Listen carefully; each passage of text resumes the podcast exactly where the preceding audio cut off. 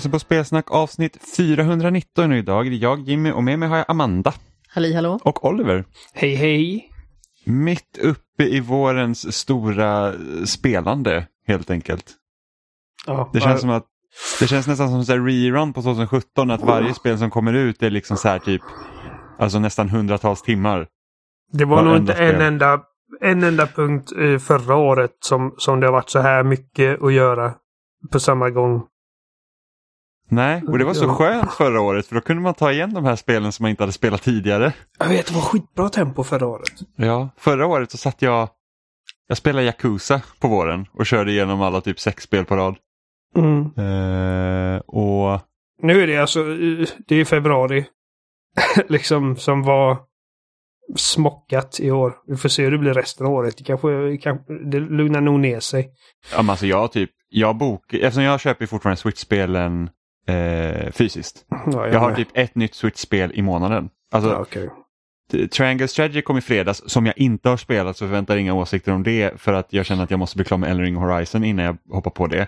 Så kommer Kirby i slutet av den här månaden, sen kommer Switch Sports nästa månad och sen har vi Mario Fotboll som kommer i juni. Så det är en paus där på maj men man vet ju aldrig. Jimmy har gjort sig så här otillgänglig för umgänge i typ tre månader för att han bara har saker att spela.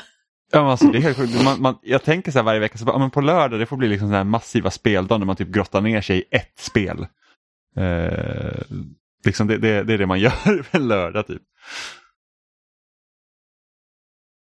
Så hur ser det ut? Är det, är det liksom, vad, vad, hur ser det ut för er framöver när vi är klara med det vi håller på med? Vad är det ni ser fram emot? För mig är det ju rätt så lugnt. Jag väntar ju på att eventuellt få recensera Triangle Strategy.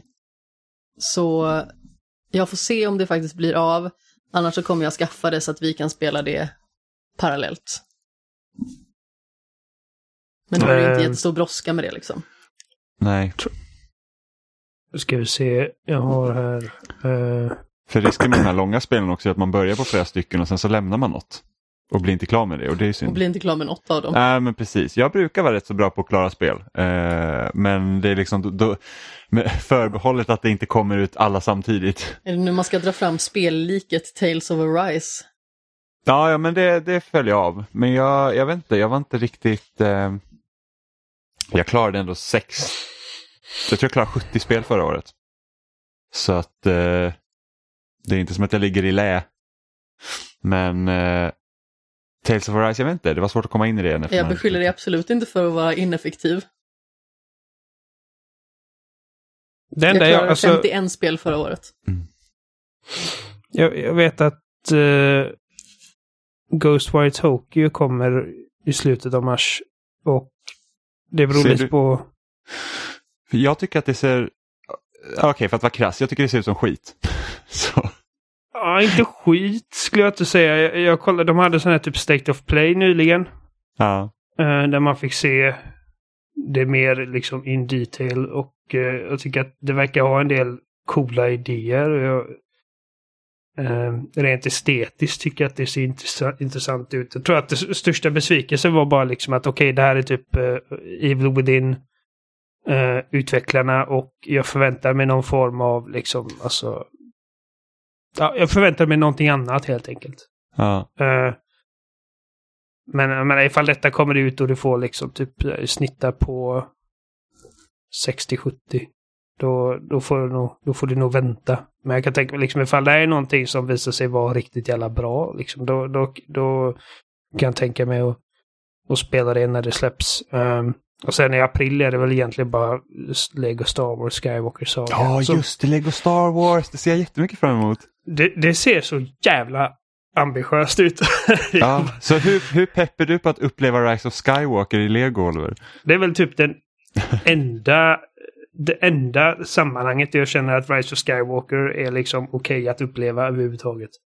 Bara väntar när, när kejsaren sitter där nere i sin kammare och lyfter upp typ 80 stycken stridsskepp Ja, med tankekraft. Ja. Det, det, det, det funkar liksom när det är lego. För då är det okej, det, här är- det här är så jävla dumt. Hade de Eh. tagit bort röstskådespelare i nya Lego Star Wars eller kommer de köra med röster? De har röstskådespelare, men Ja. de har också ett läge där det står mumble mode, där de ersätter all, alla eh, alla repliker med Ja, okej. Vilket det är jag, vad jag kommer köra tror jag. för det jag gillade med första Lego-spelen det var ju det att det var inga röster. Så att allt Ja, ja. liksom, så alla var så älskar- uttrycksfylla och det var, det var liksom så jäkla roligt. Det var asbra för att alltså, liksom, jag tror att, jag kommer inte ihåg när de började med att de liksom bara rippade eh, replikerna från filmerna och liksom klistrade in dem och det kändes så jävla billigt plötsligt för att innan så var det så något- jävla... Kan det ha varit något Lego Marvel eller Lego Batman kanske? Jag vet inte. Men, men jag älskade det. Alltså det var ju typ halva halva tjusningen med Lego Star Wars från början var i alla fall för mig var liksom hur de tolkade om de här klassiska scenerna utan dialog, utan... Ja, men det var bara söta små legogubbar som typ gestikulerade och typ eh, stönade och mumlade. Mm. Asroligt. Och jag vet att de, eh, de... Det är en av de liksom, största grejerna som fans bad om. Så de, så de har lagt till det här Mumble Mode, eller vad det kallas. Och de visade liksom scenen med eh, Luke Skywalker, Darth Vader, när han får reda på att han är hans pappa. och han liksom... Och det, är, det är så jävla roligt. Han bara... No, är jabba jabba jabbi. Och Luke bara... så, så jävla kul. Ja. Ja, men det, det, det ser fan skitbra ut. Gud, jag hade helt glömt bort det. Och då kommer förmodligen finnas co-op i det också. Då har jag och Amanda något att göra. Alltså det har Eh. alltid funnits co-op i de spelen. De har inte, alltså i den här typ långa trailern de visade så nämnde de det inte en enda gång, vilket jag tyckte var lite konstigt. Men jag har för mig att det ska vara med. Jag har för mig att jag har läst det någonstans. Annars blir jag jätte... Det är liksom... Det är typ det jag är mest pepp på. Det är att co-op ska finnas. Mm. Eh, hade varit konstigt om det Tunic kommer ut i mars också. Det som är som liknar Tunic? Zelda. Ja, den som liknar Ah, Zelda när man spelar ah, som en räv. Mm. Ja, just det. Så det får man inte glömma bort. Det, det har jag sett fram emot jättelänge. Också. Eh, men ja, det är väl inte så himla förvånande egentligen då att vi har fortsatt spela de spelen vi har pratat om de senaste två veckorna. Så hur går det egentligen i Horizon? Får jag väl ställa då. Ehm, jag kan väl börja. Alltså jag... eh, jag har kommit så, så pass långt att jag i princip är i slutet. Mm. Uh, Hur, lång, hur länge har du spelat? mot sju- 70-80 timmar. Oh, det är fan långt. Det är väldigt långt. Um, och jag, jag har kommit liksom, ja, kanske tio timmar sedan som jag kom över den tröskeln. där Jag kände att okej, det här, jag vill bli klar med detta nu. För att jag var ganska liksom slaviskt att jag gjorde alla sidouppdrag och grejer jag kom, eh, kom över. Men det, alltså... Att jag till och med liksom, jag gjorde alla bandit camps jag kom över. Men det där, det där gav jag upp för länge sedan. Det finns för många. Um, så det jag gör är, alltså jag gör sidouppdragen som, som är liksom eh, knutna till nyckelkaraktärer. Mm. Ehm. men annars, ja, jag, skulle, jag skulle gissa på att jag kanske har... Jag är, ja, jag är i slutetappen. Sen är ju frågan hur långt de är, liksom, den här sista sträckan av liksom, storyuppdrag är. Vi får se. Mm. Men, eh, ja, ser- det är alltid det. Det är typ när man är så här, sluttampen på ett JRPG så bara ah, 15 timmar. Mm. Och nu är det liksom... Alltså jag, jag, jag älskade Horizon när det kom, men sen kom Elden Ring och bara, precis som Breath of the Wild visade liksom så här gör man open world och så är det bara, mm, okej. Och jag tror det är nog det mest påtagliga liksom, eh, mellan de två spelen är det att det känns nästan stressigare att spela Horizon på grund av att man ser så många ikoner hela tiden. Alltså jag har typ fyra, fem uppdragsikoner liksom som är nära och det är så här bara, vad fan ska jag välja? Medan i Elden Ring så är det typ så här att vart vill jag gå och sen bestämmer jag det själv typ. Mm. Eh, samtidigt så kan det också hugga en lite i ryggen i Elden Ring att det är så, så pass öppet. Att det är liksom så här att jag kanske går fel och sen så liksom slåss jag. Alltså har man otur kan man liksom försöka gå till fyra olika ställen där alla är liksom för svåra. Som man måste backa av, vilket känns som att man slösar lite tid Mm. eh, på. Men hur går det för dig Horizon Amanda? Jag har inte hunnit spela så jättemycket den här veckan. Mycket att göra och eh, dessutom har jag varit ganska så sömnig på kvällarna. Så jag har liksom inte riktigt eh, känt att jag har haft tid att spela så jättemycket. Sist jag kollade på klockan, vilket inte var idag, tror jag att jag var uppe på 45 timmar. Mm. Så jag har inte kommit så jättemycket längre den här veckan än förra veckan egentligen. Men just nu är jag uppe och rantar på ett berg någonstans. Jag tog en liten avstickare och skulle till något ställe där det fanns något form av uppdrag så får se vad det blir av det. Och det är också liksom på vägen till ett huvuduppdrag. Men alltså, jag tycker fortfarande att det är otroligt trivsamt. Men sen så känner jag verkligen mer och mer att det är så otroligt överväldigande. Det är väldigt stort. Och jag tror inte riktigt jag greppade det i början, liksom hur ofantligt stort det var. Visst, jag förstår ju att det var stort, första Horizon var också stort. Men jag trodde liksom i min enfald att det här skulle vara ungefär i samma storlek, i synnerhet när jag, precis som jag sa förra veckan, zoomade ut på kartan och tyckte att men det ser faktiskt inte så extremt ut. Men Sen- det visade sig att det var faktiskt väldigt stort och det finns otroligt mycket att göra och det finns liksom nya saker som gömmer sig bakom varje hörn. Så precis lite som Oliver så känns det som att det, det är svårt att orientera sig lite grann just nu i allting man vill göra. Eh, Så jag försöker egentligen använda mig mer av listan när jag känner liksom att ah, okej, jag vill inte gå vidare till nästa uppdrag än för att jag kanske behöver gå upp en extra nivå eller jag känner att jag kanske vill vara lite över huvuduppdraget i level för att gå vidare. Ja, men då kollar jag liksom i min lista istället, vad finns det att göra som kan ge mig färdighetspoäng. Ja, kartan är väldigt kompakt. Liksom så att det, det, det är ju inte som typ man tittar på Assassin's Creed Odyssey eller Assassin's Creed Valhalla där liksom de kartorna är ju också väldigt, väldigt stora eh, men inte lika liksom packade på en mindre yta om man säger så. Liksom, jag vet ju flera ställen i Valhalla när man liksom red över slätterna så var det så här, bara, men här är liksom ett jättestort fält som är typ hälften av kartan i Horizon känns det som. Där man inte, inte gör någonting utan man bara rider. Eh, så, så att det gör ju också liksom så här att allt är väldigt packat. Men, men det, det, det var ju också en av fördelarna egentligen. Det var ju det att de har ju lyckats skapa en, liksom en, en kompaktare karta där man kommer till olika sorters biomer utan att det känns som att man måste liksom färdas hur långt som helst. Mm. Man har ju aldrig tråkigt på sin färd, det får man ju ändå säga. Alltså det är liksom inte bara rida över en död slätt där man inte hittar någonting, utan nu så tänkte jag så här att men jag ska liksom inte färdas till en lägereld en bit på vägen till det här uppdraget, utan jag ska rida hela vägen. Och det var väl kanske 3500 meter eller någonting sånt. Det första jag gör är att rida rakt in i ett rebelläger. för att sedan stöta på ett angrepp någonstans där det var massa maskiner. För att sedan återigen stöta på ytterligare ett sådant, upptäcka här finns det lite saker här borta. Och det är ju på vägen till det här stället här borta, där det finns ett utropstecken som jag kanske borde ta. Och det i sin tur är på vägen till mitt huvuduppdrag och då kommer jag lite närmre. Så jag tänkte för några timmar sedan liksom att om jag skulle gå till det här huvuduppdraget och sen så hamnar jag lite granna på sidan. Ja, det är lätt att göra det. Eh, Men som sagt, man har aldrig tråkigt i alla fall. Alltså jag tycker att det är väldigt lätt att tänka, och det finns så himla mycket att göra och det har liksom ingen substans, men det har det verkligen. Jag tycker liksom att allting är roligt att göra och när man får lite matigare sidouppdrag liksom så är det ju alltid en känsla av seger på något vis. Att man har lärt sig någonting nytt eller att man har fått veta någonting spännande eller att man har uppgraderat sig själv för den delen.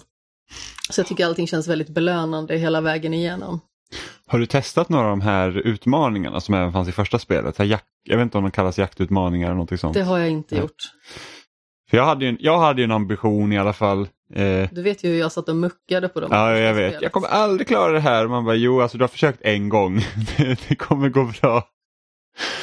Men eh, jag hade en ambition om att jag ville ta platin i det här spelet men jag vet inte fan om jag kommer hinna det alltså. Det känns som att det kommer ta för lång tid. Ta nog Platinum nästa år eller någonting. Ja. Får se. Men du lovade i förra veckan att du ska ha någon eh, lista här när vi pratar om svenska översättningar av spelet. De roligaste svenska namnen egentligen. Ja, Och då behövde vi också... roligaste eller bästa är väl också Ja, ett kriterie. Eh, jag tänkte att jag skulle göra som så att jag har den här listan den här veckan och så kör jag statistik nästa vecka. Typ hur många man har pilat i pallonet eller hur många maskiner som han har brutit ner och så vidare. Men jag börjar min topp 10-lista för jag lovade 10 positioner och på position nummer 10 har vi grymhörning. På engelska känt som Grimhorn. Det är en maskin som liknar lite en triceratops och den första sån man möter är ett svin. grymhörning.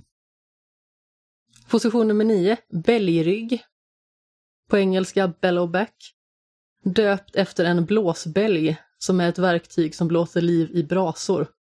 Ligger lite konstigt i munnen också. Just det, det är de bellowbacks. Va, va, undrar vad de är för... Vad ska de vara liksom för djur? Jag vet faktiskt inte riktigt, men du vet vad en blåsbälg är? Ja, ja men precis som man huffar och puffar på elden. Mm, precis. Så själva ryggen där ska ju efterlikna en sån. Ja. Nummer 8, läkande vindris. På engelska medicinal skybrush. Resurs för att återställa hälsan och tillaga hälsobrygder låter som något en liten snäll tant i Pocahontas skulle erbjuda. ja, faktiskt. Nummer 7, åskkäft. På engelska Thunderjaw. Ser ut som en Tyrannosaurus rex med diskbrock och låter som ett svenskt dödsmetallband. Alltså åskkäft är faktiskt ett jättebra namn. Det låter jättehäftigt. Det låter faktiskt otroligt häftigt. Man blir ju rädd också. Sen kom det ju, i veckan så kom det någon så här eh, artikel Diskbrock. eller någonting sånt om att Tyrannosaurus rex egentligen var tre olika dinosaurier. Ja, det är mycket möjligt. Som sagt, jag har ingen koll. Nej, jag bara såg, jag bara såg sådant. det i periferin när jag scrollade på någonting annat. Paleontologi utvecklas ju hela tiden. Alltså Ja. det, det finns massa dinosaurier som vi, vi trodde var liksom separata arter men som förmodligen inte är det. Eh, Ja, såg sen är det, inte, det är väl någon så här ganska känd dinosaurie som egentligen inte existerar va? Är inte det triceratopsen? Det kanske är det. Jo visst, Triceratops, visst var den här i landet för länge sedan, den ena Sedan. dinosaurien. Ja precis, är, jo, precis, den finns väl egentligen inte. det är ingen triceratops dock. Eh, Vad heter de då? Experten? Eh, kommer inte ihåg. Jag tror, alltså Triceratops, jag tror att eh, man tror att eh, de här mindre versionerna vad är det? Styracosaurus kanske den heter. Jag kommer inte ihåg. Men jag såg, jag såg i alla fall en TED-talk där man frågar liksom vart är alla babydinosaurier? För man börjar fråga sig liksom varför hittar vi aldrig ben och liksom fossil från juvenile dinosaurs? Ja precis, små ja. Och det är för att paleontologer gillar att döpa saker och när man hittar någonting som var en mindre version av någonting annat så trodde man att det var en ny art. Ah, Så, jag förstår. så typ eh, liksom Pachycephalosaurus, du vet den här stora brodertuck eh, med eh, han har typ ett stort kranium som jag stångas med. Ja precis. Man hittar en annan version, en mindre version eh, liknande som, het, som de döpte till Stygmoloch. Ja. Och eh, nu tror man att Stygmoloch var nog bara liksom en ung Pachycephalosaurus. Ah, så att, okej. och det, alltså, det, är så, det är omöjligt att liksom veta exakt. Liksom. Men det är liksom vad man tror nu. Förlåt, Ja, nu det- kapade vi Amandas eh, Nej, nej, men det sjukaste, jag tror det sjukaste som har hänt under i alla fall vår livstid, så här, när man tänker dinosaurier, det är att de är fjä, hade fjädrar. Många. Mm. Och liksom så här att, ja men var är dagens dinosaurier? Ja, de flyger i luften liksom. Det var så de utvecklades, det som överlevde. Det är sjukt. Ja, men fortsätt med din lista. Anna. Position nummer 6, slingertand, även känt på engelska som slitherfang. Låter lika obehagligt som en kobralik maskin kan se ut. Skulle också kunna vara svenska namnet på en Harry Potter-karaktär. Ja, faktiskt. Position nummer 5, Ivervidden. På engelska Restless Wield. En gammal ruin som låter väldigt skojigt. Och eh, låter lite som eh, tyska staden Illetissen. Ja, Ivervidd. Ja. Nummer fyra, spiksnabel. På, på engelska spike snout. Maskin som ser ut som en förvuxen myrkott. Spiksnabb är också väldigt bra svenskt namn. Låter både gol, äh, goligt, låter både roligt och gulligt skulle jag Goligt. säga. Goligt. Det är ett nytt ord. Jag kommer på ett nytt ord. Goligt. Det är både Jag roligt slog och ihop gulligt. roligt och gulligt. Ja. Ja, då kommer vi upp på pallplatserna här. Ja. Vad kan det vara? ja, vad kan det vara? Jag har faktiskt ingen aning. Nej, det ska ni få veta nu. Ja, kul. Grattis Sverige! ja. Battistini. Position nummer tre, degel. På engelska cauldron. Det ligger lite konstigt i mun. Och jag hade nog valt ordet kittel själv. Men jag uppskattar att få ha lärt mig ett nytt ord. Men hade man verkligen kunnat döpa en av de där till liksom kitteln? Fast bara, ja, vi går till en kittel för att liksom hitta... Ja, varför inte? Det låter så konstigt att säga kittel. Och du tycker inte degel låter mysko? Jo, men degel vet jag inte riktigt liksom vad det är på förhand. Så då blir det så här, ja men det är en degel. Det är, Bra. det är ett kärl. Ja, ja, men inte i mitt huvud eftersom jag aldrig hört degel tidigare. Så blir det bara, men degel är den här konstiga eh, liksom, byggnaden man går till. det blir... Fast samtidigt så Du spelar också på engelska. Ja, precis, då heter det cauldron. Men det är, det, är, det är inte mitt språk då, så att då låter cauldron bra. Cauldron är ett väldigt coolt ord. Ja, precis. typ så här tekopp eller någonting sånt. heter det. The cup. Position Mugg. nummer två, flodsly. På engelska Ridgewood. Va, fick flodsly vara nummer två? Ja, Flodsly som är så roligt. De kunde varit lata och valt pinne, men de valde flodsly och det respekterar jag. Pin, eller kvistar. Då ska vi se vad position nummer ett kan vara. Har vi några gissningar? Alltså det är svårt att veta med tanke på att vi inte spelar på svenska någon av oss. Ingen aning. Eh, jag måste tänka, jag har hört något roligt när du har suttit och spelat bredvid mig. Nej, jag har inte, alltså flodsly är ju liksom nummer ett i mitt hjärta så att jag, jag kan ju liksom inte riktigt svara på Är vad det det kan vara. Spine? Det är det inte. Slack, är slaterspine, är slaktrygg då eller? Jag kommer faktiskt inte ihåg nu. Har du, har, du har inte minne att du har dödat någon slaktrygg? Slaktrygg låter också rätt så coolt. Men jag kommer inte ihåg exakt vad det var på svenska. Men det är inte med. Position Eh. nummer ett, modlösa. Modlösa? Även känt som The Daunt. Jaha, En gammal ruin som låter som en kamelfis liten ort i Blekinge eller Småland. modlösa. Ja faktiskt. Det ja, Jag tyckte att det var jätteroligt. inte bättre än flodsly. Flodsly är väldigt bra. Frågar du imorgon så kanske det är flodsly. Ja, speciellt när du går och säger att jag ska gå och samla lite flodsly. Liksom specifikt. Då blir du varm i hjärtat Ja, men- och tänker på vad ah, min blivande fru går och samlar lite flodsly. Ja, men speci- alltså det är så specifikt också. Det är som att jag säger inte att jag går och hämtar Ridgewood när jag samlar. Jag bara, jag hämtar typ material eller jag hämtar pinnar eller kvistar eller någonting sånt så jag ska liksom göra pilar. Du bara så här, här står det flodsly. Då tänker jag använda flodsly också. Pappa samlar pinnar. Ja, men verkligen. Ja, det är rätt så kul. Mm. Det var min lilla lista. Ja. Har ni några egna ord som ni tycker är roliga om ni spelar på svenska? Kommentera gärna i någon form av tråd, antingen på sociala medier eller på loading.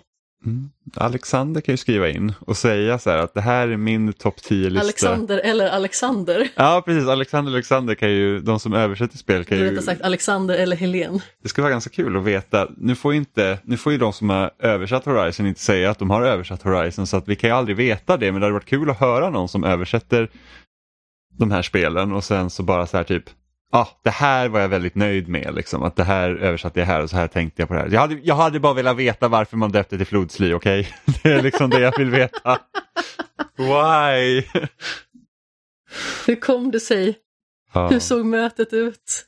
Ja men precis, var det liksom, var det stor, var, var det något man bara gjorde på liksom en handvändning eller var det liksom så här? Så var det fredagsmöte med kladdkaka men eller var det precis. liksom det stora liksom månadsmötet? Mm, Eller har de fått någon så här mail från någon så här flodslys organisation som bara, ja men vi tycker att Vi den här, den, här- den här beväxtligheten den liksom får för mycket skit så vi står upp för sly. ja, jag vet inte.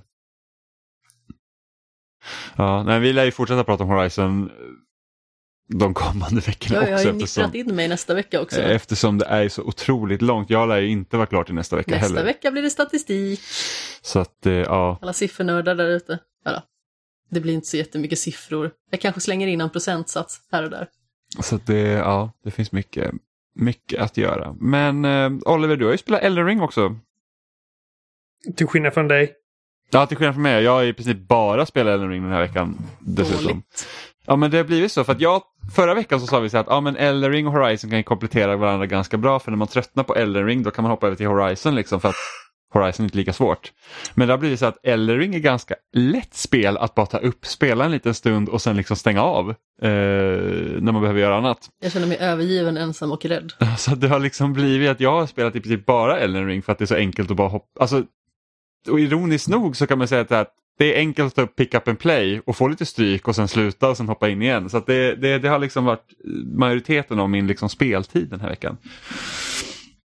Eh, och jag har ändå kommit rätt så långt. Jag har hittat ett skitbra ställe där jag kunde farma runes. Så att jag liksom, jag, jag, jag är typ överlevlad känns det som och ändå åker jag på spö. Var det där du sprang och blev jagad av den där bollen? Ja, det var första stället. Eh, jag har hittat ett effektivare ställe nu. Så att det fanns ett ställe... Där du slår på snögubbar? Ja men typ. Det fanns ett ställe där det var ett stort klot som rullade efter den och sen så behövde man liksom man behövde se till att bollen börjar rulla efter den och sen snabbt vika undan och sen måste man titta på bollen när den liksom åker ner i avgrunden och dör för att få de här runesen. Och sen så får man bara göra om den processen och den tar lite tid. Det... Jag gillar hur man hade velat skriva typ en eh, walkthrough på det här. Bara så här. Du kan samla saker på det här viset. Undvik bollen, kolla på bollen. Ja, man måste titta på den. Vänta på att bollen trillar ner till avgrunden. Ja repetera. Ja, man måste se på bollen annars funkar det inte. Nu hittade jag ett annat ställe, för då fick man typ 1900 Garanterar att det finns guider på just den bollen redan. Ja, inte skriftligt dock, utan videoform. Mm. Eh, jag försökte vara rolig. Och sen så, det nya stället jag hittade på, där finns det en jävla massa fiender där man får 2000 per fiende och de dör rätt så lätt. Så det, det har hjälpt mig. Men eh, ja, det, det, det, är inte ett lätt spel i alla fall för att av någon anledning i det här spelet, majoriteten av alla stora bossar, de har liksom så här typ att de första 50 procenten, det går helt okej. Okay. Så fort de har gått under 50 procent, då bara, hm, här är min one-shot-attack jag också har. Det är lite störigt. Som den som elektrifierade och sen slog det i huvudet. Ja, ja, ja. Det var en jävla häst, riddare på häst som hade en så här stor, alltså när han blev liksom tillräckligt sur då så fick han så röd el som han skickade efter den och jag hade liksom så här alla mina summons de kunde han liksom slut på ett slag typ. Och sen så, och det, och det, det liksom, jag mötte honom ett antal gånger innan han one-shot attackade mig. Liksom. Eh, där han, liksom, han bara typ vidar upp sitt svärd rätt i luften och sen bara bzzt, rakt ner och så dog jag. ja, det är lite störigt. Men hur går det för dig Oliver? Det går bra. Jag gör eh, små framsteg hela tiden. Mm. Och det, det ligger något i det du säger att det är liksom lätt att plocka upp och göra små framsteg för att det. Okej, okay, här är en liten dungeon med en liten boss. Så gör man den och så har man lite, lite extra souls plötsligt och så någon extra, något vapen eller någon spell eller någonting. Um,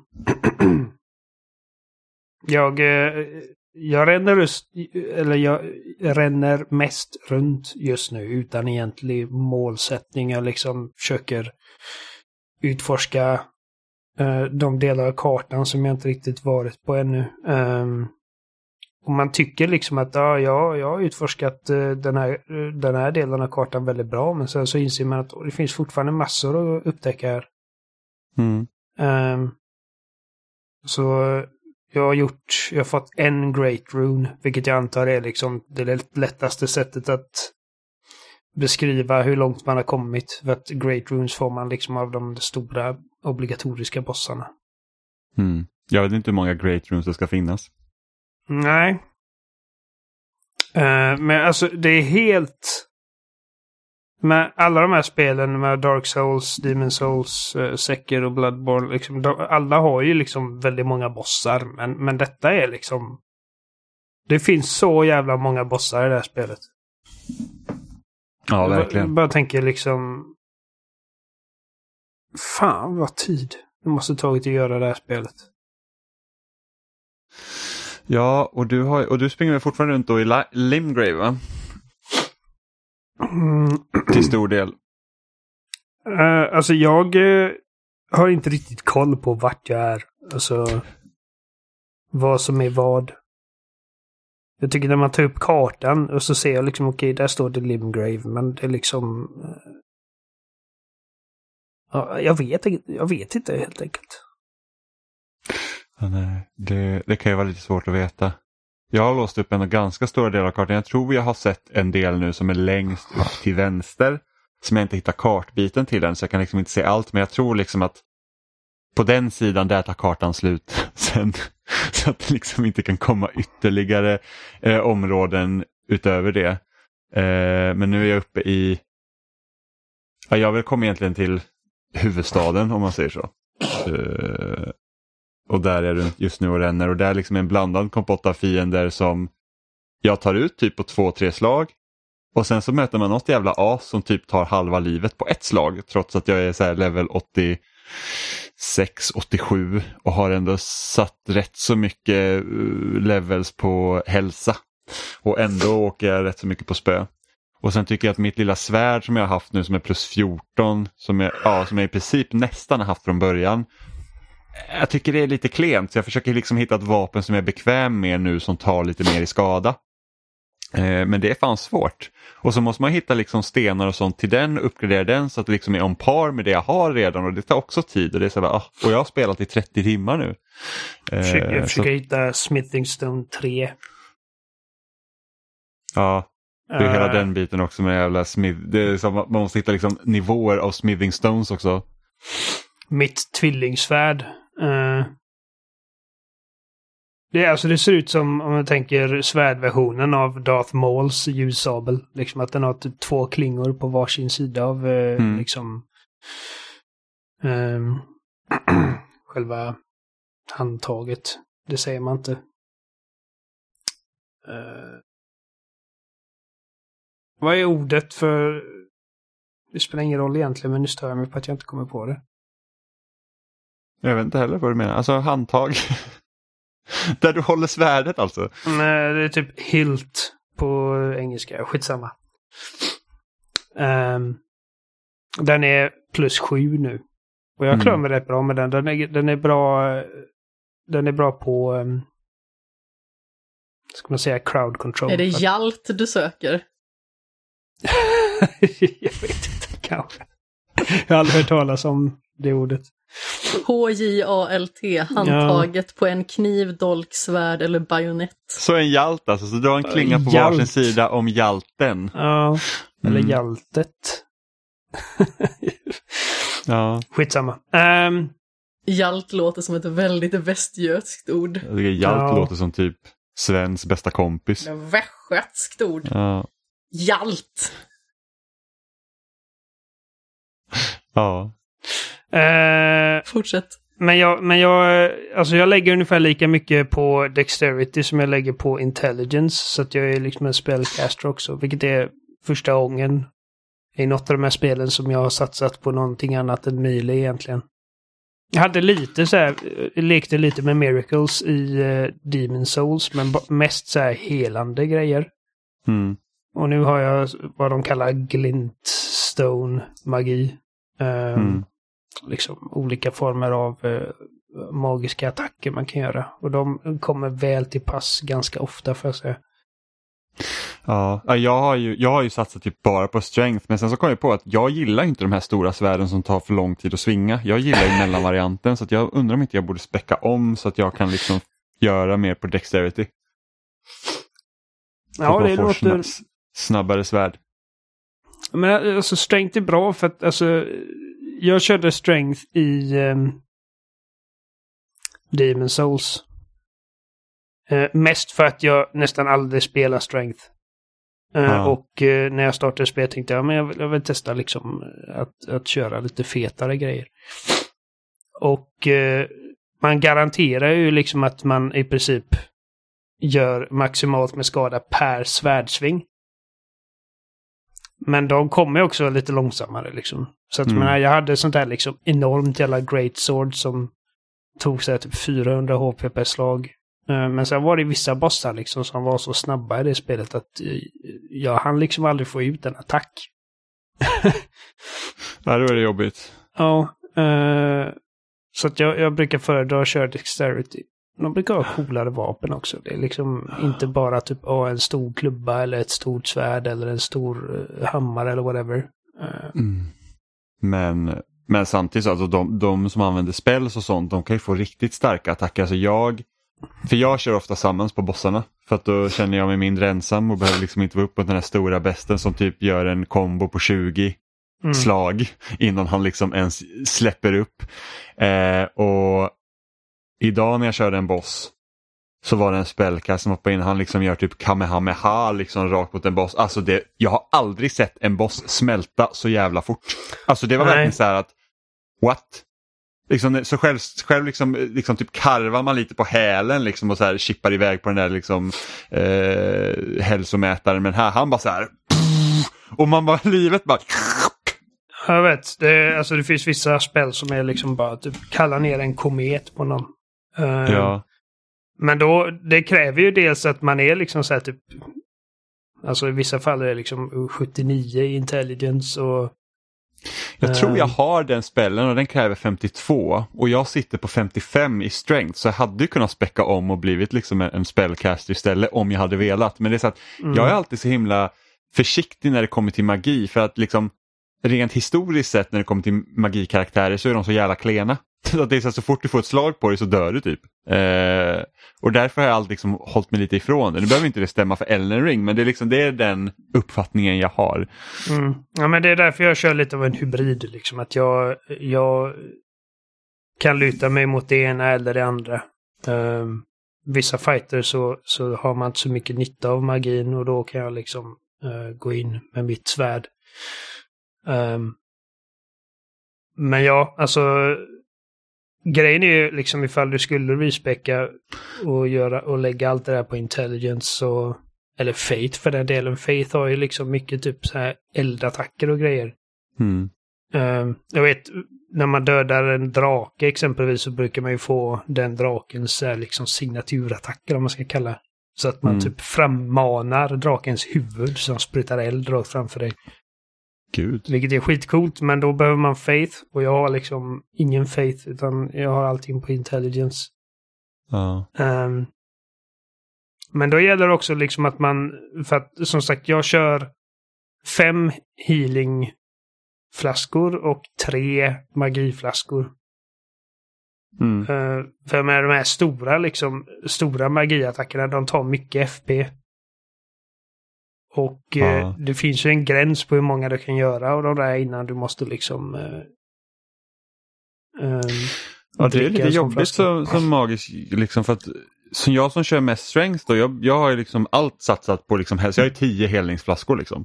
Jag kan ju ta Ja. en del stryk och sen hela mig men ska man liksom balansera det med magi då, det blir så att okej men jag kanske fortfarande liksom åker lite på stryk ibland. Ja. Samtidigt, sen, vad, vad händer om du inte har FP längre? Då är det så här att vad ska du göra då? Liksom gå typ knäppa med fingrarna på den här stackars bossen? Du får kasta dolkar på honom.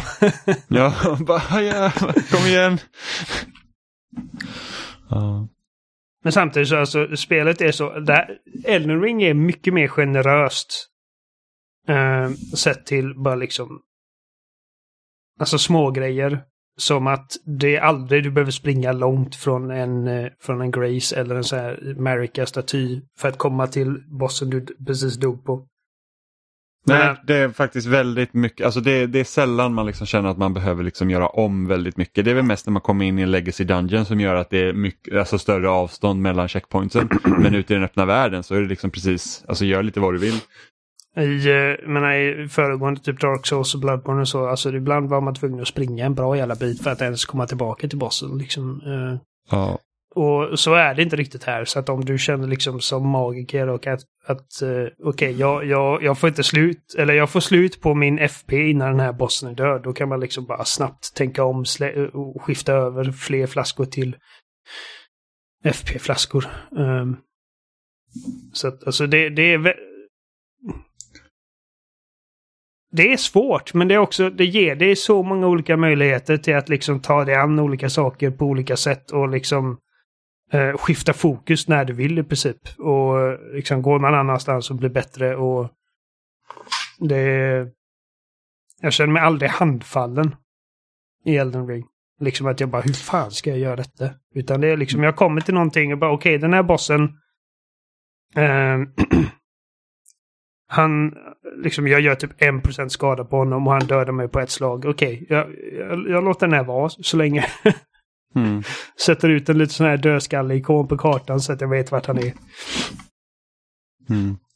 Ja, det är väl... det, det är skönt att det är så och det är liksom ett sätt de har gjort för att liksom balansera upp det här att nu är liksom strukturen mer öppen så de kan liksom inte forsla dig egentligen genom samma korridor om och om igen tills du bara lärt dig att ta, hand- liksom ta dig an det. Mm. Eh, men samtidigt så att ibland har det varit så att jag har gått typ till fyra eller fem olika ställen och så här att här kan jag liksom inte vara. Eller att man liksom har börjat liksom ta sig an en, en, en, dungeon eller liksom ställe så här. Och det går rätt så bra ett tag. Och sen kommer du till liksom stopp. För att liksom så att okej men jag, jag är inte tillräckligt liksom stark eller jag är inte tillräckligt bra för att ta mig an det här. Och så ska man gå till nästa ställe. Och där liksom jag tror jag hade så en dag, det var så tre ställen på rad jag gick till. Och det var så här att det går inte här, det går inte här och det går inte här och det blir liksom det tycker jag kan vara frustrerande. Men det låter weird att du har... Vad är, vad är det du har i strength? Typ 50 eller vad sa du? Ja, 55. Och du har en plus 14 på ditt Longsword. vapen. Ja, Och du gör typ ingen skada. Vad, vad är det du har gjort Nej, fel? inte tillräckligt. Det- jag alltså- vet inte. Jag vet inte. Det är så här bara att ibland är det så här typ Ibland undrar jag om de liksom fifflar med statsen för det är så här att när jag uppgraderar mitt svärd en bra bit och så var det så här, här är fiender som jag liksom tog tre, alltså de tog tre träffar innan. De tar fortfarande tre träffar och jag uppgraderar mitt svärd tre gånger efter det. Det känns orimligt. Jag vet inte vad jag gör. Har, har, du har fortfarande inte pillat på Ashes of War eller? Jo, jag, har, jag satte på nu en sån här eh, jag har inte tillräckligt många som passar för det här svärdet dock, men jag, jag satte på nu så att de får bleed. Eh, vilket sänkte liksom damage outputen rejält. Men det tar fortfarande lika många slag för att döda det mesta. Så att jag är så här att, vad är det som gäller egentligen? Att Så när man, här, när man applicerar en... för mig. eh, När man applicerar en Ashes of War så får man välja sen också liksom vilken affinity som den ger dig. Och då kan det göra så att den scalar med strength. ja, men jag tror att den Ashes of War jag har just nu, den, där kan man antingen välja standard eller heter Standard då är det oförändrat. Ja, ja precis och sen tog man över bleed, det fanns bara två på den. Eh, men jag tror inte att jag har någon bra Ashes of War som är just fokus på strength som har en bra förmåga man vill använda. Ja, Okej. Så att jag har försökt googla lite och se om jag kan hitta någon. Men alltså det är så här, så här är det. All text som är i det här spelet är så jäkla diffus också. Så till och med när folk liksom ska förklara vissa saker som jag känner att jag borde hålla koll på. Det är så här, bara, jag vet inte vad du pratar om. Liksom så här, vad är det? Kan du inte bara säga att vi här är skit på Ashes of War, gå hit. Tack! liksom. Ja. Eh, ja. Men kolla upp det där liksom. Alltså bra vapen som scalar med strength. Och, Mm. och bra Ashes of War som, som kompletterar det för att det känns inte rimligt att du ska ha ett liksom 14 plus svärd och 50 på strength. Alltså jag har inte, jag tror att mitt st- högsta attribut är 25. Ja, men och sen jag så är har det liksom också inga jag... problem än. Nej, men sen du är också kvar i Limgrave. Jag har, liksom, jag har en ganska stor del av kartan som är upplåst nu så jag kan liksom ta vägen lite var som helst. Mm. Eh, och, och det är bara att jag kanske har letat liksom på fel ställen. Nu har jag, jag har kommit en bra bit. Nu, är jag liksom, nu vet jag vad liksom nästa storydel för mig är och det är där jag håller på lite med så att Samtidigt så jag, jag har en liten förhoppning av att det ska liksom vara så lätt att du kan springa igenom Dungeon, vilket det är inte ett sånt spel som är så här men det är liksom det är lite dit jag skulle vilja komma så att jag liksom bara så att jag vill inte dö hela tiden. Eh, men eh, liksom, när Martin är på samma level som mig så har han säkert typ kunnat klara spelet. Det, det är liksom, jag är inte bra på de här spelen just för att jag, jag tycker det är svårt att läsa av fienders liksom, attackmönster. Och jag har svårt att hålla mig från att inte bli för ivrig för att jag vill liksom bara in, jag vill bara ha mitt jävla stora metall schabrak som jag bara dunkar i huvudet på en boss och så ska den dö. Det är liksom, jag bara så här, bara slå på liksom. Eh, och så kan man inte spela de här spelen så att det, det, det beror mycket på min sätt att spela. Du går in och mörsar och jag är en sån som står på typ 100 meters avstånd och fegar. Ja, men det är därför jag kör, Alltså precisionspils Amanda det är därför jag kör, det är därför jag kör strength. För att jag var så här, jag vill vara stark. Jag vill bara in, bonk, död liksom. Eh, samma sak när man spelar strategispel. Det är så att Robin har ju typ fortfarande så här PTSD när jag skickar typ in 20 megatanks på honom i Advance War. Så det är så här, det tog aldrig slut. Han bara, vad håller du på med? eh, för att det är, liksom, det är den starkaste tanken. Den är dyr och det kostar väldigt mycket om den dör. Men när man har en sån stor liksom, armé av bara megatanks, då, mm, det, det brukar gå bra då. Eh, Härliga tider. så.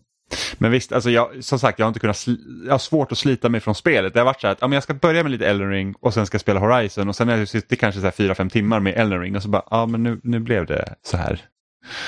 Eh, och jag tycker ju verkligen att, liksom att den art direction de har i det här spelet är helt fantastisk. Jag tycker, det, det känns helt magiskt att se de här typ gyllene träden överallt. Mm.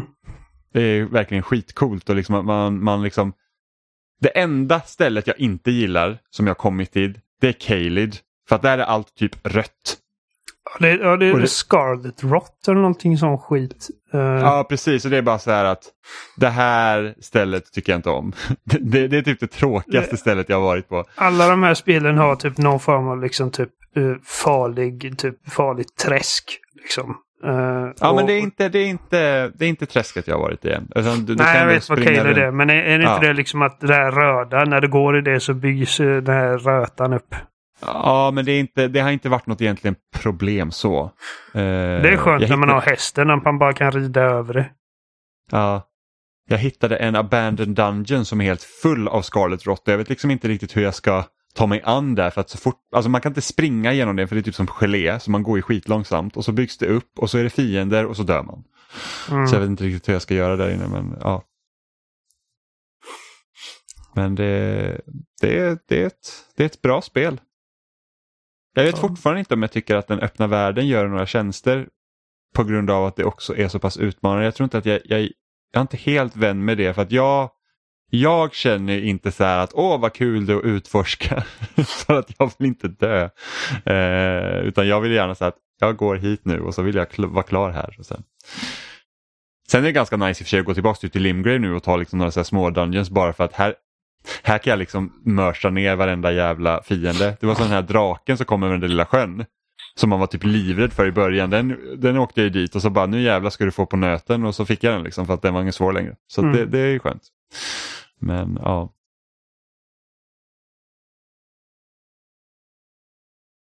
Nej, det är ett speciellt spel. Jag, jag tror inte att jag är jag är nog inte lika frälst i det som många andra. Liksom.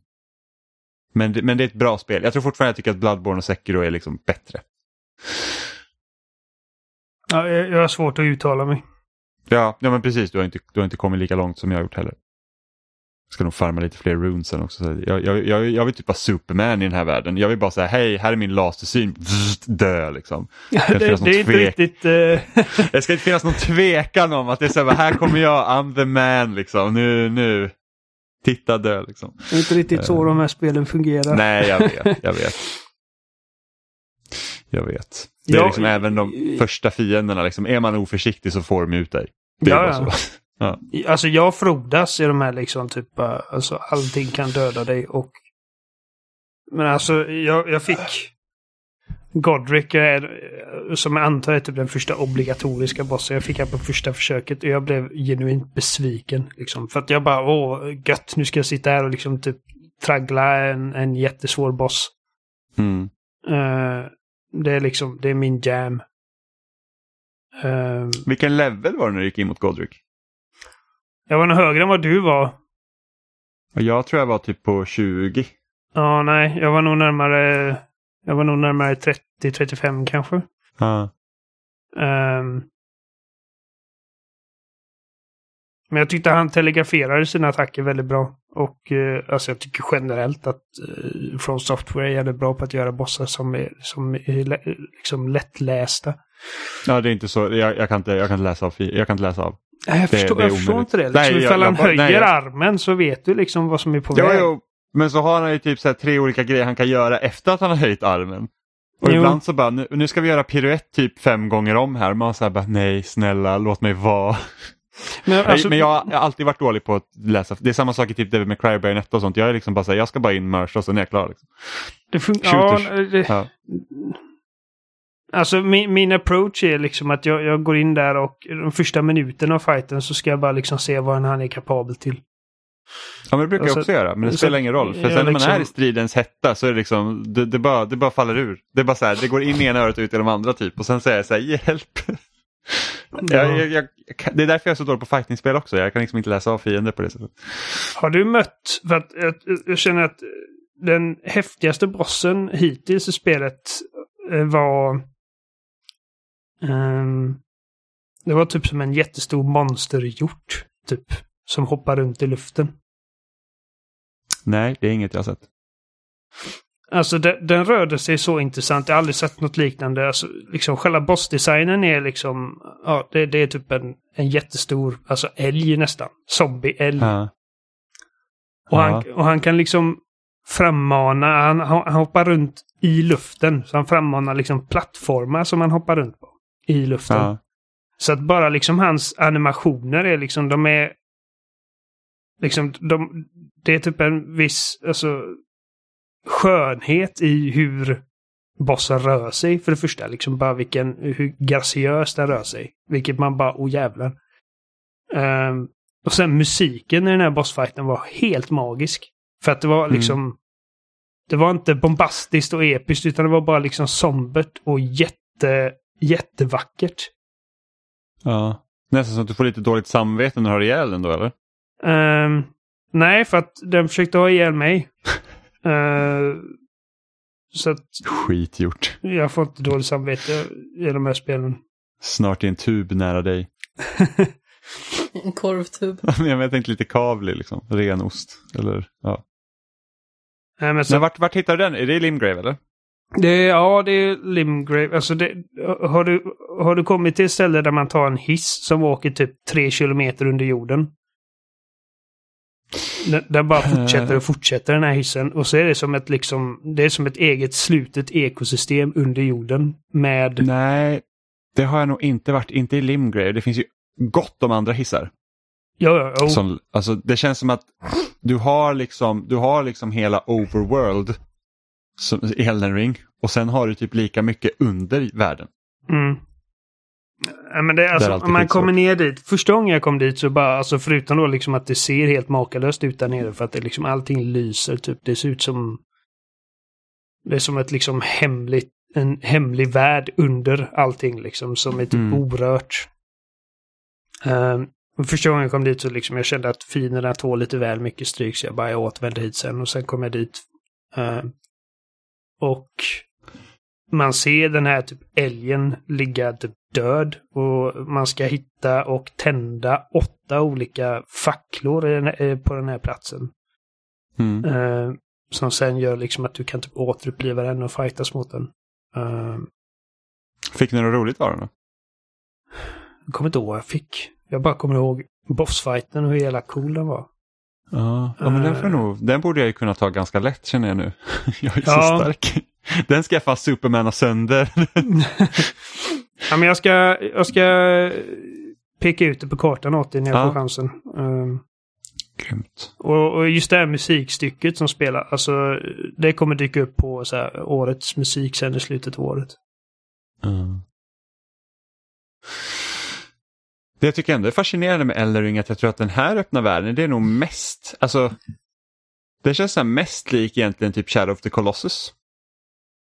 Ja, Även om Shadow of the vibbar. Colossus liksom inte är full av fiender och sånt och egentligen har bara de här stora kolosserna. Men jag vet inte, bara den här uppbyggnaden och liksom hur, hur öde den är men ändå liksom känns den inte tom om man säger så. Nej. Man får lite samma känsla, det tycker jag är väldigt, väldigt speciellt.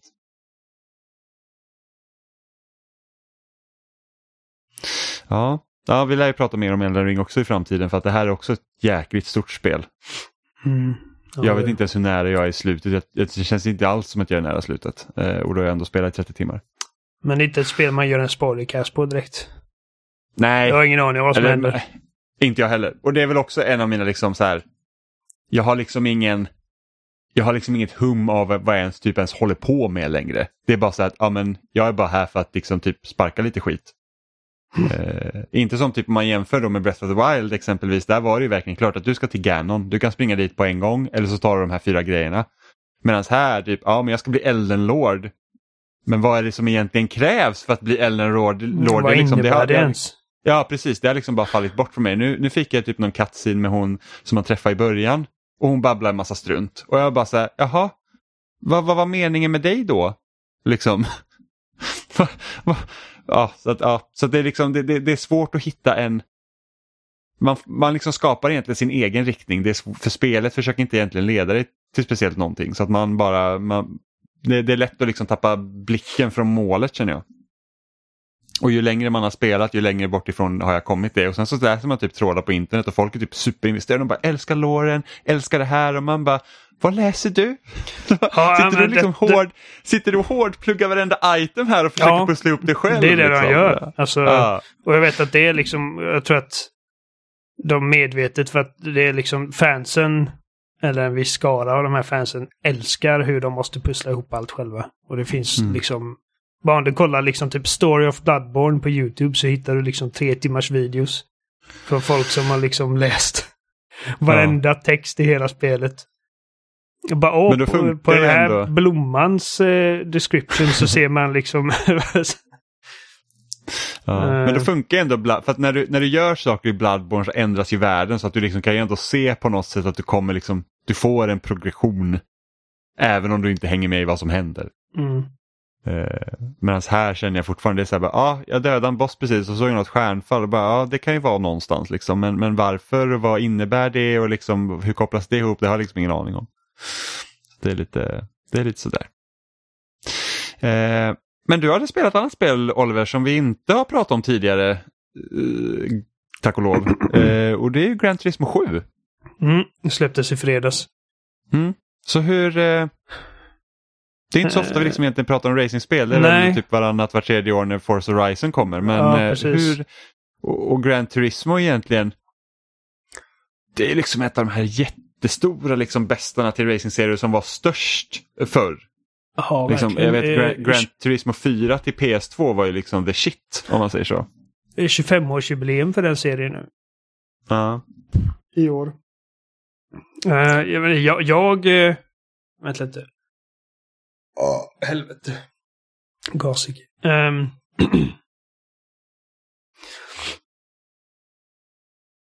när jag köpte min Playstation 4 Pro var det på webballen och då bandlades eh, Gran Turismo Sport med. Som... Jag vet att jag fick en del kritik av, av spelarna när det släpptes eh, för att det inte hade så mycket innehåll och det var liksom inte... Det var inte Gran Turismo 7 liksom. Det var typ ett sidospår. Som fokuserar mer på liksom alltså riktigt högoktanig racing. Eh, medans eh, traditionellt så, så har de varit lite mer ska man säga, haft större omfång. Liksom att det inte bara handlar om de här liksom superbilarna. Ja. Men det spelet, alltså det, det spelet är nästan... ehm, nästan skulle jag säga. eh, helt... Uh, att tacka för att jag liksom har förälskat mig lite i motorsport. Vilket Mm. jag inte räknade med alls. För jag hade aldrig köpt eh, Gran Turismo Sport om jag inte bara liksom fick det med konsolen. Nej. Och jag har ju spelat eh, Forza Horizon och jag, eller vill säga Forza Motorsport har jag spelat lite då och då också. Jag tycker att de är roliga. Ehm, men det är ingenting som verkligen grottat ner mig. Men det var någonting med sport som, som verkligen ingöt den här liksom typ respekten för sporten i mig. Uh, och uh, Det stämmer även med sjuan. Alltså jag känner det, det största... Det största hoppet framåt som jag känner liksom att uh, som gör Gran Turismo 7 det är ett ännu bättre spel än sport är att det har mer av en liksom mer av ett driv, mer av en riktning liksom att spelet låter mig veta mer vad det är jag håller på med och vart jag ska lägga min fokus på. För att när man startar eh, GT Sport så är det liksom att okej, här har du eh, multiplayer, här har du eh, time trials och här har du liksom en kampanj. Men kampanjen var liksom bara en lista med olika race. Eh, och eh, ibland var det svårt att ens avgöra liksom för att man, man, man, man startade liksom någon form av turnering och så bara okej, du äger ingen bil som, som är tillåten för den här turneringen. Men det fanns li- liksom inget sätt eller inget lätt sätt för mig att liksom ta reda på, okej, men, men vilken typ av bil ska jag köpa? Och det där problemet har jag inte med sjuan för att de, de eh, ger dig små utmaningar hela tiden. Som, det här är Mm. vad du ska fokusera på nu. Och den här liksom, alltså bara kärleken för inte bara bil, alltså motorsport och racing, utan bara liksom bilen. Är liksom, det är helt... Eh, liksom det omsluter hela paketet, liksom allting med presentationen. Så första gången man startar spelet så får man se en, vad är typ fem minuters video. Um, som inte går att hoppa över för övrigt. Åh oh, nej. Där de går igenom liksom typ, alltså det är som en hyllning av inte bara Gran Turismo som serie utan också bara liksom bilen. Så bara här har vi liksom typ bilder och svartvita liksom videor på när den första personbilen gick i produktion och sådana grejer liksom. Uh, och de har ett museum liksom för olika uh, bilmärken som man kan gå in på liksom. Okej, okay, här nu. Det här året föddes mannen som grundade Ferrari bla bla och nu startar han sin första fabrik och liksom alltså det, det märks att spelet är gjort av folk som verkligen är alltså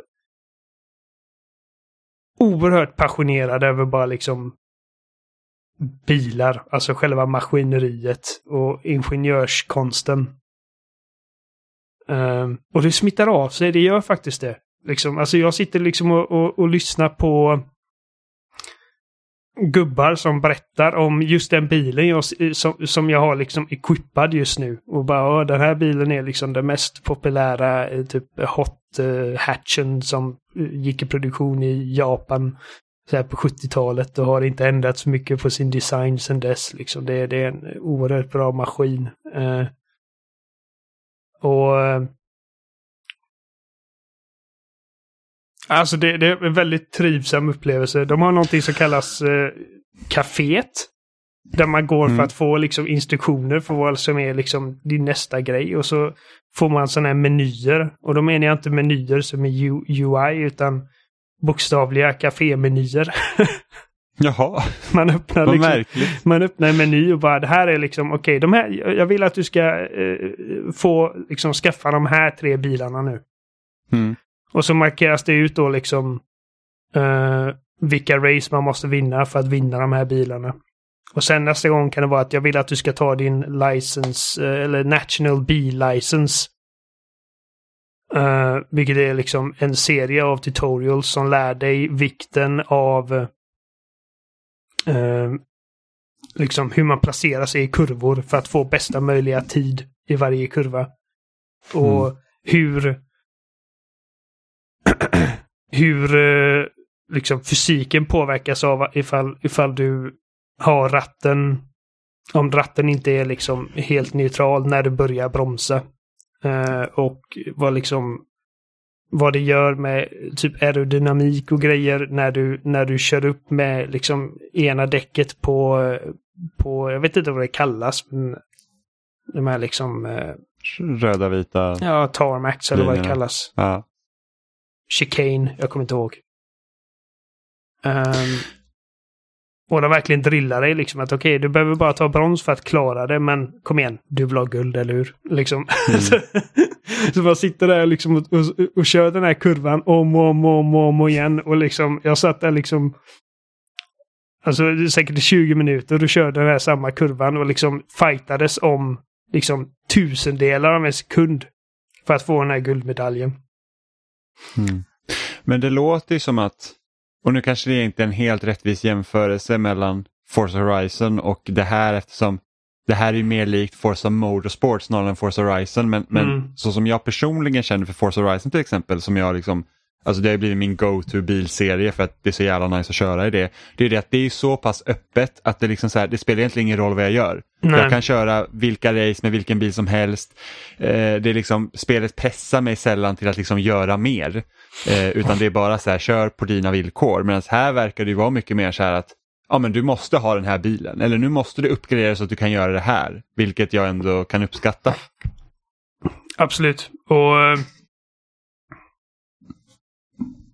ärligt talat, alltså jag, jag har roligare med, med detta än vad jag haft med senaste Forza Horizon. Inte för att de är liksom dåliga spel. Alltså Playground gör, gör väldigt bra spel, men den serien känns som att den, den har inte utvecklats så mycket det senaste. Och, Nej, utan det är liksom bara så här att här har du en ny karta att köra Ja, det är mer av samma liksom. Och mm. eh, om det är någonting som jag, som jag har märkt med mig själv att jag liksom frodas av eller frodas under de här liksom hårda um, ska man säga, eh, begränsningarna. Ja, ja, men omständigheterna, alltså. Det var, det, var, det var som en så jävla chock liksom till systemet när jag började spela Gran Turismo Sport och jag inte bara kunde trycka på Y och rewinda så fort jag körde ut från banan. Utan jag var tvungen liksom att typ skamset ta mig ut på banan igen liksom. Och det gör att Ja, man... det finns ingen rewind-funktion. Nej. Och det gör också att eh, man är mycket mer medveten om liksom varje kurva och liksom att man ska ha ordentligt med eh, liksom bästa möjliga grepp på vägen. Och det finns liksom Även när du är ute på ett race så har du liksom olika instrument du kan pilla på. Dels som eh, kanske om, om du är på ett riktigt långt race där du, där du tvingas tänka på eh, tänker på bränsletillförsel. Liksom att du har ett instrument som gör att du kväver det lite så att du kan hålla dig längre i rörelse. Ehm, eller liksom eh, bara ställa in hur, hur mycket eh, liksom väggrepp och sånt fungerar. Och du har även liksom så här weather forecast app som, som, som säger liksom som du kan mäta typ att okej, snart blir det regn. Och då kanske jag måste in och byta däck och, och du måste tvätta din bil ibland så att den, för att motorn liksom blir smutsig och äcklig och det, alltså det, det är verkligen det är en sim, liksom. En racing sim. Mm. Och jag har suttit Har du- liksom och seriöst funderat på att skaffa en sån här jävla rigg. Liksom som, med, med, med ratt. Ja, ja, men så är det ju alltid. När jag liksom spelade Forza Motorsport också. Det var så här att när man spelar de spelen då är det så här att hmm, är det läge att investera i en ratt nu? Mm. Eh, Och- Samma sak när jag köpte Street Fighter 4. Jag som suger på fightingspel. Det var så här att jag borde köpa en arkadsticka. Ja. Du vet. Ja, men jag, jag har kollat på det liksom och, och det finns ju budgetalternativ. Men jag känner ifall, ifall man ska lägga massa pengar på sådana grejer så lika bra att lägga på bra grejer och då kan man lätt, komma upp i liksom tusen spänn. Äh, tusen, tio tusen, tolv tusen. Jag tänkte jag bara här, tusen spänn, det var inte så farligt Nej. om det liksom var att lägga Nej. mer pengar på det. Men 10 000 är en annan grej då. Jag kollar på liksom Fanatec-rattar eh, som är liksom officiella Mm. Gran Turismo-prylar och liksom sån kan gå på 6000. Och sen är Och då det... hoppas man ju att det är en sån här grej också som att den inte bara funkar på PS5 då. Så att liksom när det väl kommer nya konsoler att förhoppningsvis så är den lite forward compatible om man säger så. Ja, alltså jag tror att eh, generellt bör man nog inte vara orolig över liksom att eh, det inte ska funka på PS, eh, Playstation 6. Men jag tror att liksom det, det är svårt att hitta bra grejer som är helt eh, liksom fria till att användas på både Xbox och Playstation. Så att, Mm. och det, ifall jag ska skaffa en ratt så är det för Gran Turismo för att de, de, de är definitivt liksom mest eh, simulatorinriktade. Eh, Mm. och, ehm, och sen gäller det också för att jag, jag, jag menar, jag kan inte bara sätta upp en ratt på mitt liksom vardagsbord. Eh, det hade bara varit värdelöst för ryggen. Eh, så att Mm. då- Du behöver en stol också. Precis, och det finns stolar och det finns billigare stolar för så här typ 3000 och sen finns det liksom bra stolar. Ehm, för att eh, de här rattarna har ju liksom, eh, de har ju så här force feedback. Som Mm. ska liksom simulera när man liksom kör upp på, på kanter och grejer. Eh, och då behöver man liksom en stabil stol. För att liksom det är ganska En mycket... Ike- Ikea-stol som börjar skaka lite i ratten Ja, faller precis. isär för att skruvarna trillar ut. Men de här motorerna som är i rattarna, liksom, det är ganska, ganska bra kraft i dem, liksom, torkmässigt. Eh, och eh, så att... Men jag vet inte, alltså varje gång jag sitter och, och seriöst funderar på de här grejerna så typ örfilar jag mig själv lite och bara där liksom, du är inte miljonär. Ja, och sen är det också den här, det är just nu du spelar Gran Turismo 7. Precis. Så vad, sen när du har tröttnat, liksom, visst du kan ju använda det till andra spel också. Ja. Men, eh, men som sagt, det, liksom blir så här, det blir en väldigt specifik grej ja, till blir det. GT7. Då. Och jag vet liksom att jag hade spelat ännu mer GT7. Uh, Mm. Ifall jag hade en ratt för att alltså, liksom, det blir så mycket roligare också. Men det är också liksom, det är ett spel. Ja. Och eh, jag, har inte, jag har liksom inga fuck you money. Jag skulle, jag skulle kunna liksom, ifall jag, ifall jag lyckas liksom spara ihop 12 000. Det finns andra grejer som är förmodligen mer nödvändiga i mitt liv jag hade kunnat lägga dem på. Ja. ja, men det var ju samma sak när Half-Life Alex kom och jag seriöst funderade på att köpa en Valve Index för att kunna spela det och sen så bara säga men nej, Nej, alltså jag kommer spela det spelet och det kommer vara det. Precis. Det är inte som man köpte en vita för tusen spänn för att spela Persona 4 utan då är det liksom handlar om 8-9 tusen spänn för att Mm. spela ett spel som man då förvisso fick på köpet men liksom ja. Nej men alltså jag, jag, jag har väldigt trevligt med, med Gran Turismo 7. Jag har inte testat eh, online racing än för att jag tycker det är väldigt... Eh, det är lite läskigt. För att folk som spelar online när de spelar, de är så duktiga och de tar det på sånt stort allvar. Och det är också det som gör liksom att jag tycker att det, det, det är mer attraktivt att spela online i Gran Turismo än typ Forza, där alla bara tacklar dig eller, och, och beter sig som svin. Eh, Ja, och så kommer den där med sin lilla supertrimmade bubbla som bara drar iväg och man bara hur fan? Ja, och liksom alla kör in i varandra. Det finns liksom, alltså här är det typ sports, eh, sportsmanship och folk eh, alltså, använder blinkers i Gran Turismo för att typ markera att jag är på väg att köra om dig här nu liksom. Ja, ja det, det, är ju det är väldigt positivt med tanke på hur dåliga folk är på att använda blinkers i vanliga fall. Ja. Alltså på riktigt. ja men det är liksom folk... Och det är så, alltså jag känner liksom inte att ifall jag skulle komma liksom sexa i Gran Turismo online så hade jag hade känt att ja, det är ganska bra liksom. För att jag kör med liksom folk som är bra. Och eh, jag har liksom inte prät av någon av ur vägen och liksom det är bara... Ja, nej det är... Jag gillar att det är liksom, det är så... Det tas på allvar i de här spelen. Sen är det klart att det händer liksom att dels gör folk misstag, att de kommer in i en kurva för snabbt. Det har jag också gjort. Och råkar Mm. liksom köra in i någon.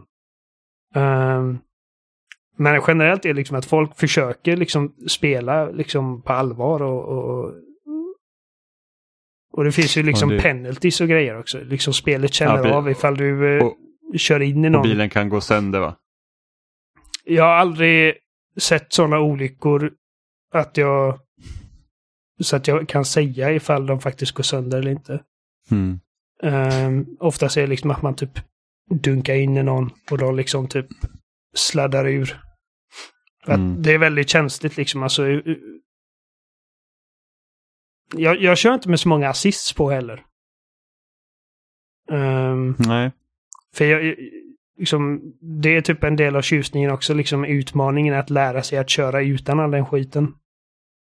Mm. Ehm, så att liksom minsta lilla, minsta lilla misstag kan liksom resultera i att du liksom börjar spinna ut och kör ut från banan och förlorar allting. Ja, då går det inte att rewinda.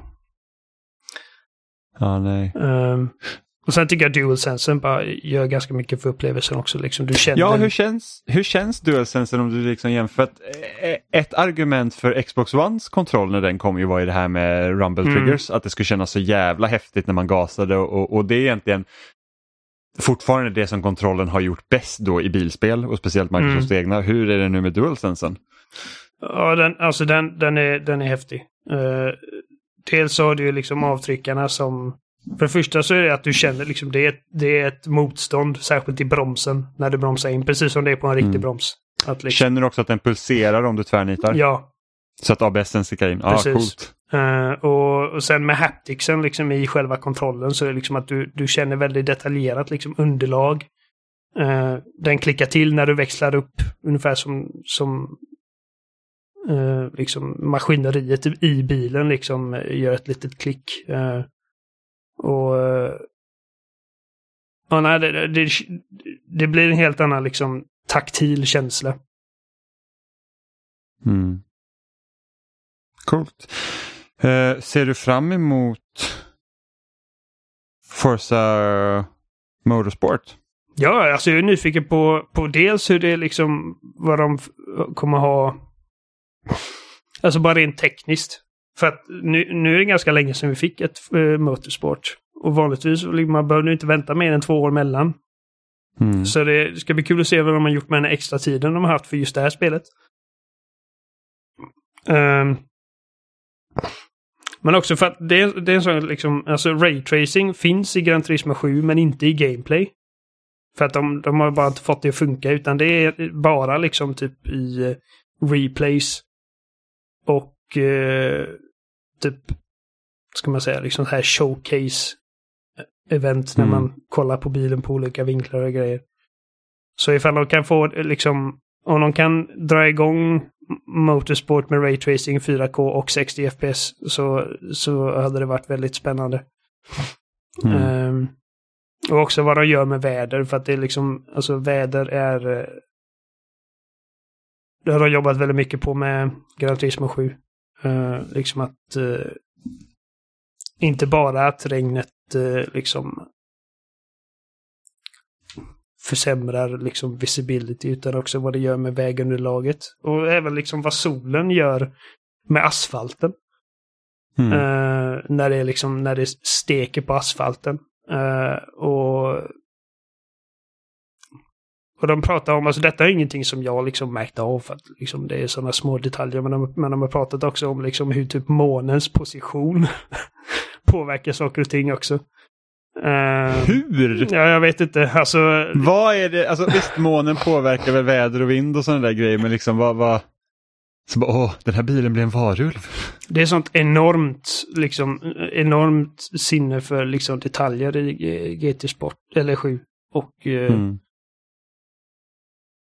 Och, så, och, och liksom att man måste typ... eh, Att man ska tänka på liksom vilka däck man använder under vilka lägen. Eh, liksom så att det finns eh, typ hårdare däck som är bättre för riktigt långa race för att de är liksom de har mer hållbarhet. Uh, Medan Mm. mjukare däck ger det bättre liksom grepp på, på asfalten men, men slits ut mycket snabbare. Mm. Um, ja, nej, det är... Det är riktigt kul alltså. Jag, vet- jag, vet, jag vet inte när jag blev liksom en racing simulator uppskattare. Jag skulle inte säga fantast för att jag, mycket av allting där liksom går ju över huvudet på mig. Men när de börjar snacka om typ eh, de mekaniska grejerna med bilar, FR-bilar typ eh, och och tuning och sånt tycker jag är skitsvårt. Alltså, Mm. det finns, Mm. det finns eh, man kan köpa delar och grejer till bilen. Och då får man liksom se ett värde, man kallas PP, som är liksom powerpoints. Som visar liksom vad, hur det påverkar eh, bilens kraft liksom. Så att man köper nya däck och så går det upp. Och så köper man liksom en ny växellåda så går det upp. Och så köper man ett nytt avgasrör som gör att eh, avgaserna kommer ut mer effektivt. Och, och liksom bränslesystem och sådana grejer. Och det finns alltid så här typ eh, learn more-grejer man kan trycka på och så kommer det in någon snäll gubbe som förklarar var för fördelar man får med just den här delen. Men sen har vi också de här liksom spreadsheet-liknande tuning-grejerna när man ska typ punkt för punkt typ eh, ställa in liksom typ eh, rotationsmoment och, och typ höjd på bilen och, och liksom eh, fjädring. Mm. Och jag bara, ah, ah, sånt där går mig helt och hållet över huvudet. Jag fattar ingenting. Och, när, och när man ska växla under vilken hastighet så kräver nya växlar så att man ska kunna maximera accelerationen eller farten eller toppspeeden. det där har jag blivit rätt bra på för att jag, jag, jag tror inte jag har kört ett racingspel eh, med automatväxling. Nej, men jag tänkte typ- bara att du kan ställa in växlarna när, när du vill liksom att när ska du sätta i tvåans växel för optimalt. Liksom. Jaha, det kanske, ja, det kanske Mm. finns sånt också. Men det alltså... Det- Jag kan tänka mig att det finns för det finns i Forza Horizon också. Mm. Men just det liksom att jag, att jag har lärt mig att, eh, att eh, köra med, med manuell växel eh, utan att jag tänker på det. eh, Mm. Har gjort underverk för liksom bara hur bra jag har blivit på banan. För att man kan använda växeln bara för att liksom också hjälpa till med nedbromsning och grejer. Och det, sånt är ju svårare när man kör automat. Då Mm. allting sånt händer automatiskt. Men ehm, och även liksom att jag kan typ i en uppförsbacke kan växla ner för att få extra drivkraft. Ja, precis. Ehm, nej, men alltså det, jag tänkte säga att eh, du, ska få, du ska få testa det för jag tänker att jag tror att du hade gillat det här spelet. Ja, men jag, jag, jag är inte helt främmande för simulator-racing. Det är ju, alltså mitt största problem är det när racen blir långa.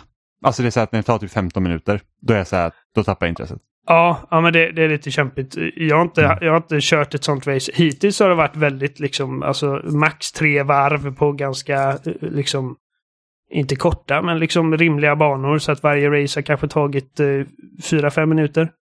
Och det Mm. känns ja, lagom men det, hittills. det är okej. Däremot det är okej. när man körde Men på Nürburgring i GT Sport. den är liksom, alltså. Jag vet inte hur många kilometer den är, men den är så jävla lång. Och Mm. eh, det fanns liksom ett eh, time trial eh, avsnitt i GT Sport där du skulle liksom ta guld på alla banor. Och dels först så bryter de upp banorna i liksom små avsnitt. Så att du ska liksom få bemästra varje liten kurva och varje litet moment på banan. Mm. Eh, och så ska du ta guld i dem. Och sen i slutändan så ska du köra hela varvet. eh, på optimal tid. Och jag tror att jag satt, på no- jag satt nog på Nür- Nürburgring alltså, i fyra dagar och försökte få den här guldmedaljen för att det är ett sånt Gud. en sån jävla lång bana. Och eh, gör du ett misstag någonstans på den här liksom typ 37 mil långa banan så är det kört. Ja. Men jag fick den till slut. Ja, det är bra. Ja, men kul. Det är roligt med det är roligt att det är ett bra Grand Turismo i alla fall. Eller sport var väl också bra men det känns inte som att det var lika mycket fanfare för sport som det Nej. var för... Jag vet, och, och alltså det blev bättre sen har jag hört. För att eh, de la till mycket material i efterhand. Eh, och jag Mm. spelade det liksom ett tag efter release. Så att jag tror att jag fick det fulla paketet. Men alltså det här GT Sport fick liksom inte ett ljummet liksom mottagande. Men inte liksom riktigt så högt som de hade velat kanske. Och detta har jag fått väldigt bra kritik. Alltså jag tror att liksom det snittar ju på eh, nio i alla fall på de ställen jag har varit och kollat recensioner. Mm. Ja, kul.